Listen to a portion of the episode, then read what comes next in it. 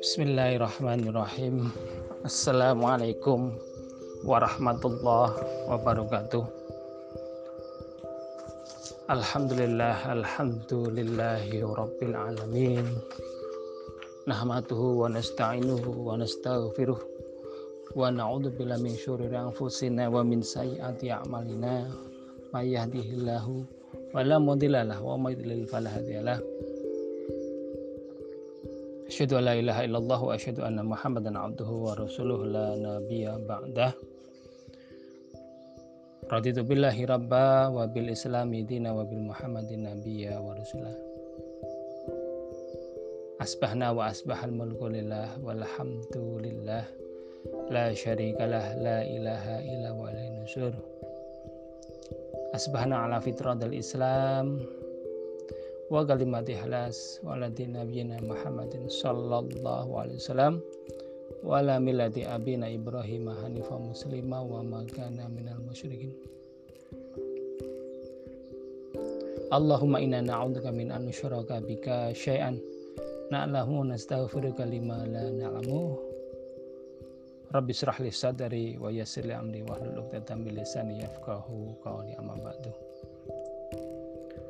Alhamdulillah pertama-tama kita panjatkan kehadirat Allah Subhanahu wa taala. Karena pada pagi ini kita bisa menghirup udara segar menikmati indahnya pagi dan tentunya berharap limpahan rahmat kasih sayang dan hikmah insya Allah kita akan dapatkan hari ini. Selalu semangat dan motivasi yang tinggi agar kita selalu bisa survive dalam kehidupan ini insya Allah amin ya rabbal alamin. Selawat salam. Tidak lupa kita panjatkan kehadiran junjungan Nabi kita Nabi Muhammad Sallallahu Alaihi Wasallam berharap akan syafaatnya kelak. Insya Allah anak-anakku semuanya siswa-siswi SMA 1 Desa yang berbahagia dan tentunya kita pun harus membahagiakan diri dengan kondisi dan keadaan apa pun karena itu merupakan afirmasi kita pada diri kita agar mendapatkan sesuatu yang baik insya Allah pada Pagi hari ini saya akan melakukan refleksi apa yang telah kau tulis kemarin. Meskipun mungkin baru sebagian ya kan memang waktunya yang mungkin kurang maksimal, maka saya harapkan tetap kalian antusias dengan apa yang saya berikan. Anakku semuanya, pada malam pada siang ah, maaf pada pagi hari ini kita akan mencoba mengurai tentang Al-Quran sebagai keajaiban. Keajaiban. Kamu tahu keajaiban apa itu?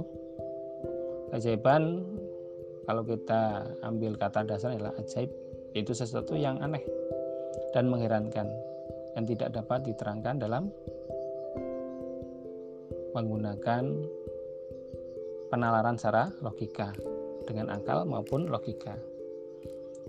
Albert Einstein tahu ya, ya harusnya tahu ya, seorang ilmuwan pada masa awal abad 19, awal abad 20 ya. Perang dunia kedua. Perang dunia satu, perang dunia kedua. Bahwa dia mengatakan ada dua opsi dalam hidup yang berkaitan dengan keajaiban ada dua pilihan yang dia katakan pada seseorang yang berkaitan dengan keajaiban. Yang pertama apa? Bahwa dia mengatakan dalam hidup itu tidak ada keajaiban. Ya. Dan yang kedua adalah seluruh kehidupan adalah keajaiban. Nah, dua hal ini dia sampaikan sebagai bentuk teori yang tentunya bersumber dari hakikat bagaimana manusia menyikapi kehidupan ini. Ya tentunya dua perbedaan ini menggunakan dua perspektif yang berbeda, dua sudut pandang yang berbeda. Oke, Al-Quran adalah salah satu bentuk keajaiban yang dikenal dengan istilah mukjizat. Jadi mukjizat terbesar dari Nabi Muhammad adalah Al-Quran. Meski demikian dalam kehidupan sehari-hari, kadang kita tidak pernah memandang Al-Quran sebagai sesuatu yang ada mukjizatnya. Sedikit sekali orang memandang Al-Quran sebagai mukjizat. Coba apa yang kau dapatkan dari Al-Quran yang berkaitan dengan keajaiban? Tentu kamu tidak akan melihat Al-Quran itu terbang, menghilang, atau melakukan hal-hal yang di luar nalar dan akal manusia. Karena apa? Karena pada dasarnya manusia akan mempercayai sesuatu apabila dia bisa membuktikan secara panca indera. Dan tentunya harus mampu memberikan nilai materi yang bersifat wujud jadi kalau Al-Quran itu bisa ngilang, bisa terbang, nah, ya mungkin bisa dikatakan ajaib. Intinya apa? Intinya manusia akan percaya jika dia melihat, mendengar, merasa. Jika tidak, maka dia belum tentu percaya. Nah, jadi kepercayaan di sini mengandung apa namanya perspektif materi. Jadi ngandel nek weruh ngandel nek percaya makanya kamu tiap berlihat Quran tapi ya gitu-gitu aja. Nggak pernah ada perubahan. Nah apa sih keajaiban keistimewaan atau mujizatnya? Nah tentunya kita harus mengimani harus meyakini karena Quran adalah salah satu bentuk rukun iman. Kalau kau nggak mengimani maka kafirlah dirimu. Kau harus bersahadat lagi. Ya oke anak-anakku semuanya. Kita lanjut. Banyak kisah-kisah yang disampaikan pada Al-Quran yang berkaitan dengan keajaiban. Salah satunya adalah mukjizatnya para nabi dan rasul. Mesti kalian tahu kan, masih ingat beberapa nabi yang punya mukjizat? Contoh seperti kisah Nabi Musa, dia bisa membelah lautan dan bahkan merubah tongkatnya menjadi ular untuk melawan tirani Fir'aun. Kisah Nabi Daud, dia mampu menggunakan besi untuk membuat baju besi dan mengalahkan raksasa. Kemudian Nabi Ibrahim, dia tidak terbakar saat dia dilumat api, saat dia dibakar oleh Raja Namrud. Dia pun mampu dia pun punya mujizat lain ya. Saat dia dalam usia tua dia pun bisa mempunyai anak lewat istrinya. Nabi Isa mampu menghidupkan orang mati menyembuhkan orang yang sakit atau bahkan saat bayi pun dia bisa bicara. Nabi Muhammad juga banyak mujizatnya. Salah satunya adalah keluar air dari jari jemarinya untuk berwudu. Kaum muslimin bisa membelah membelah apa bulan. Bahkan dia pun di Isra Mi'rajkan oleh Allah. Dan itu adalah satu bentuk mukjizat karena banyak orang tidak percaya waktu itu. Coba kalian pikir kira-kira apa sih maksud dan tujuan kisah-kisah itu disampaikan dalam Quran? Apa kira-kira? Apakah sebagai cerita dan inspirasi? Bisa jadi.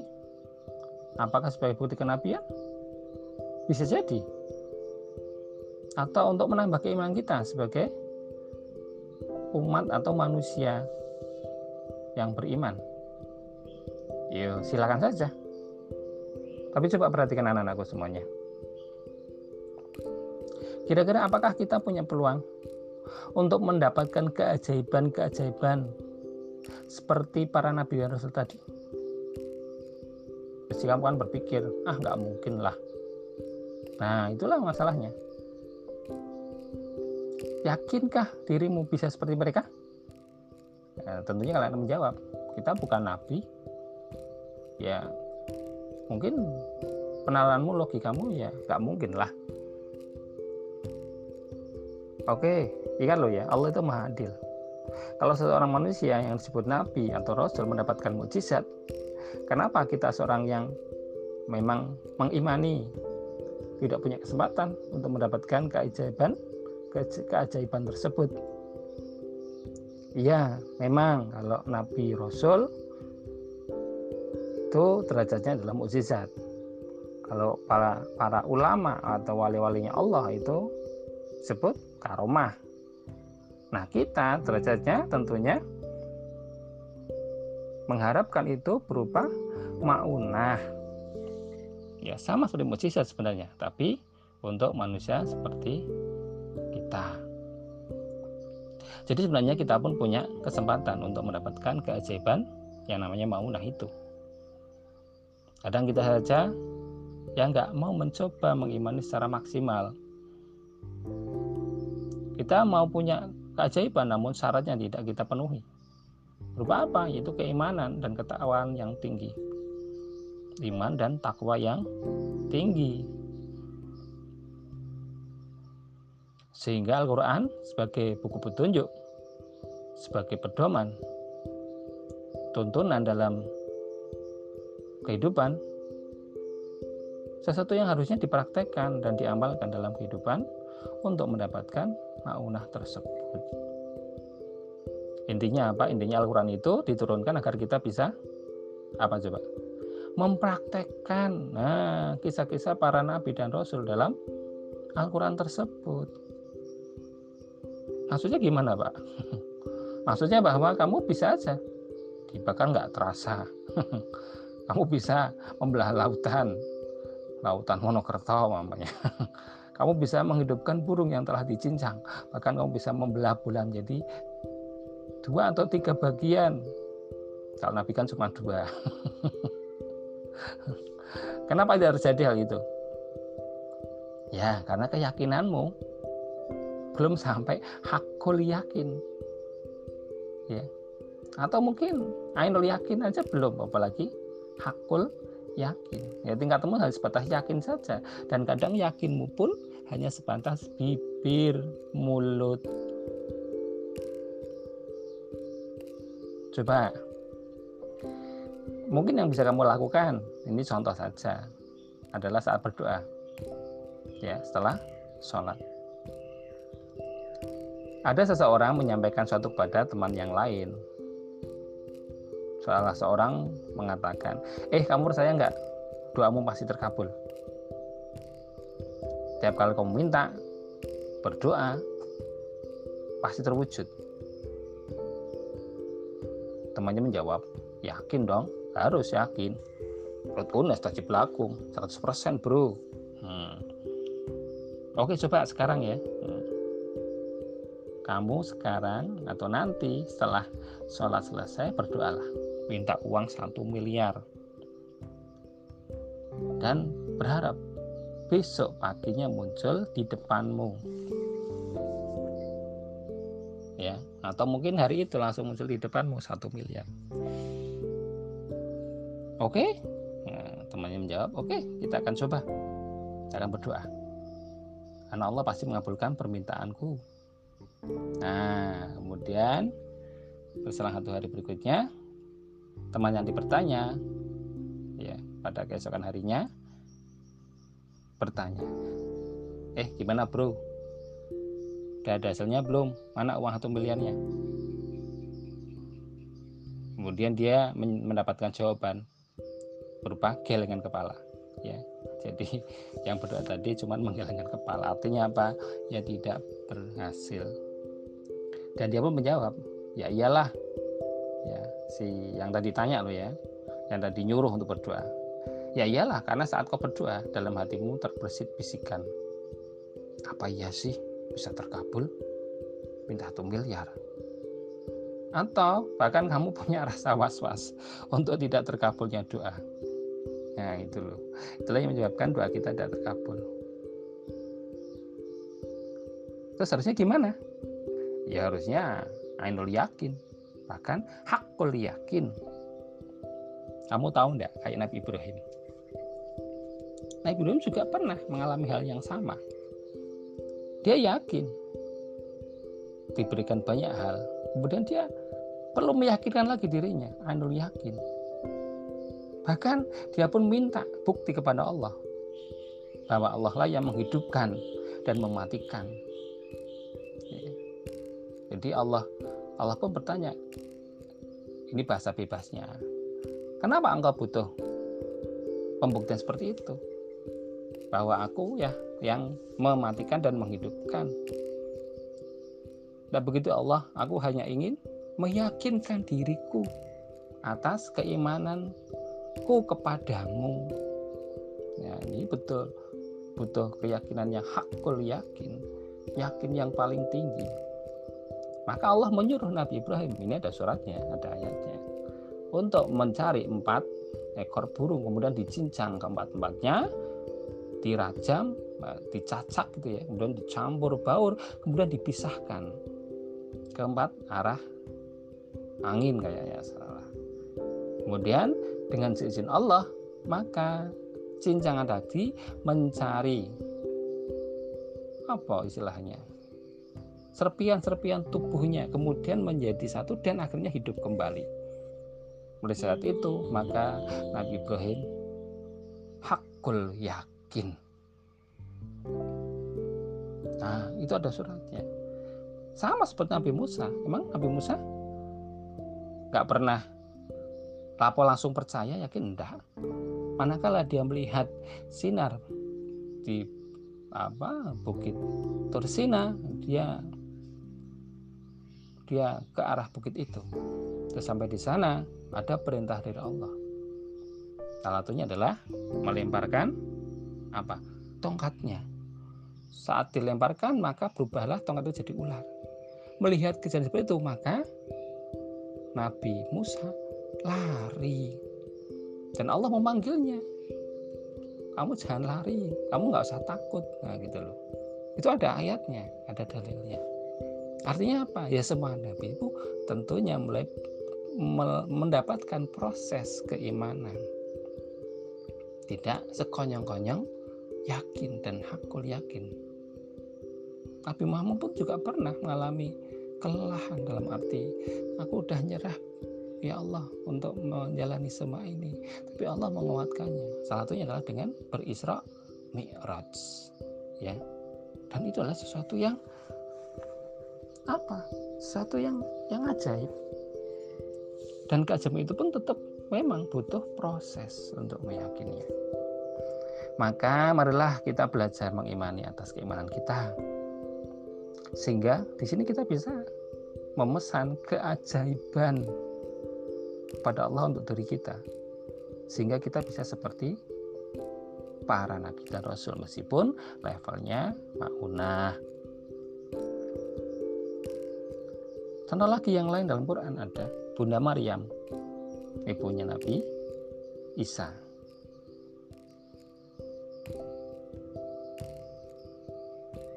Di mana tanpa ke mana-mana, ya dia nggak pernah ke mana-mana, dia hanya dalam Baitul Maqdis. Dia mendapatkan makanan di sisi mihrabnya. Ya, mihrab itu adalah tempat peribadatan dalam hal ini adalah Baitul Maqdis. Sehingga Zakaria pamannya Nabi Zakaria ya, pamannya itu bertanya, dari mana semua makanan ini? Wahai Maryam, maka Maryam menjawab dari sisi Tuhanku.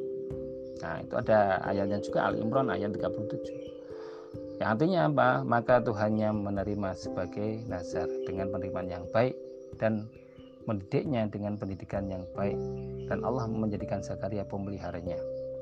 Setiap Zakaria masuk menemui Maryam di mihrab, dia mendapati makanan di sisinya. Zakaria berkata, Hai Maryam, dari mana kau memperoleh makanan ini? Maryam menjawab, makanan itu dari sisi Allah. Sesungguhnya Allah memberi rezeki kepada siapa yang dikehendaki tanpa hisap. Nah, berarti awalnya memang Nabi Zakaria juga keheranan. Kenapa itu terjadi? Kemudian dengan keimanan dia, maka dia pun mengimani. Maka Nabi Zakaria pun belajar dari Bunda Maryam. Dan dia pun mengimani sehingga dia pun mendapatkan satu keajaiban. Yaitu apa? Mendapatkan keturunan. Di mana saat dia sudah sangat tua dan isinya sudah mandul. Itu ada di surat Maryam ayat 7 dan 8. Ya, hai Zakaria, sungguhnya kami memberikan kabar gembira kepadamu. Engkau akan memperoleh anak yang bernama Yahya. Nah, di Yahya di sini adalah nama dari Allah. Yang sebelumnya kami belum pernah menciptakan orang yang serupa dengan dia. Nabi Zakaria pun berkata, Ya Tuhanku, bagaimana aku akan mendapatkan anak padahal istriku mandul dan aku sendiri sesungguhnya sudah mencapai umur yang sangat tua. Maryam ayat 7 sampai dengan 8. Dan masih banyak lagi keajaiban daripada dari para nabi dan rasul. Pak, itu kan nabi. Rasul. Maksudnya manusia yang bukan nabi juga sebenarnya banyak. Contoh dalam Quran pun ada kisahnya. Itu manusia biasa. Artinya bukan nabi, bukan rasul. Kisahnya muridnya Nabi Sulaiman. Siapa namanya itu? Asif bin Barqiyah. Nah, Asif ibnu Barqiyah. Orang ini adalah salah satu muridnya Nabi Sulaiman memiliki kemampuan di atas kemampuan jin ifrit yang cerdas. Masih ingat ya saat memindahkan. Nah itu dan Nabi Sulaiman pun memerintahkan Asif bin Barqiyah memindahkan istana Ratu Bilqis. Dan benar, Asif memindahkannya dalam tempo satu kedipan mata, seperti yang tertulis dalam bukunya Husain Musahiri dalam kitabnya Jihad An-Nafsi. Kata Abu Kubais yang membuat murid-muridnya kagum terpesona Muridnya berkata, ilmu apa yang dimiliki Asif itu ya Tuan? Ya Syekh. Apakah orang lain bisa menguasai ilmu sehebat itu?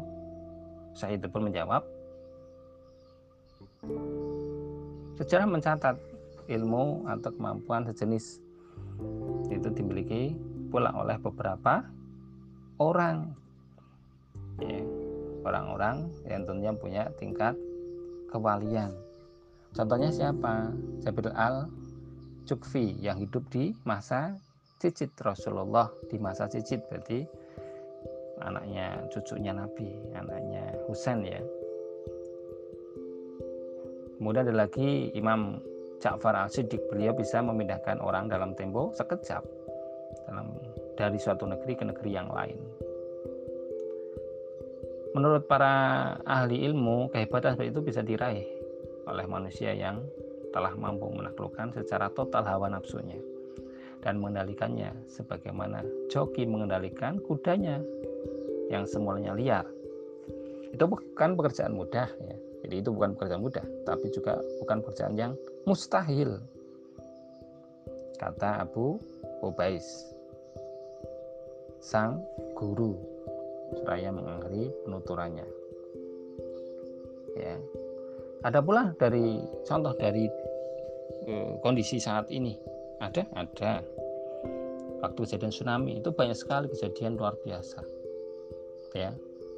Ada orang yang azan dalam masjid kemudian tsunami datang masjidnya ke bawah kemudian dia alhamdulillah dia masih hidup dan itu adalah satu mukjizat ada seorang anak kecil yang tertimpa bangunan dia masih hidup yang lain sudah pada mati dan Allah memberikan itu sebagai pelajaran buat kita semua Oke, anak-anakku semuanya yang dirahmati Allah.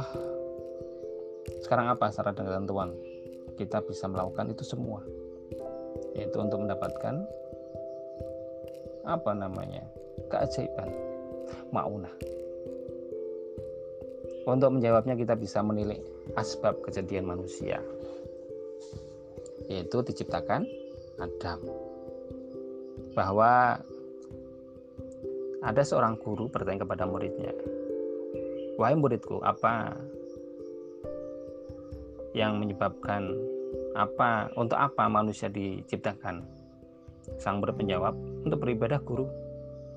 Ya, dia menjawab berdasarkan dalil wa ma khalaqtul wal insa illa liya'budun dan tidak aku ciptakan jin, jin dan manusia kecuali untuk beribadah.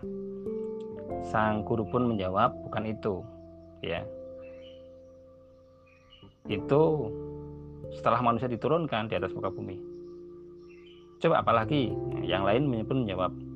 Jadi khalifah guru seperti pada Al-Baqarah ayat 30 Ingatlah ketika Tuhanmu berfirman kepada para malaikat, sesungguhnya aku hendak menjadikan khalifah di atas muka bumi. Guru pun menjawab,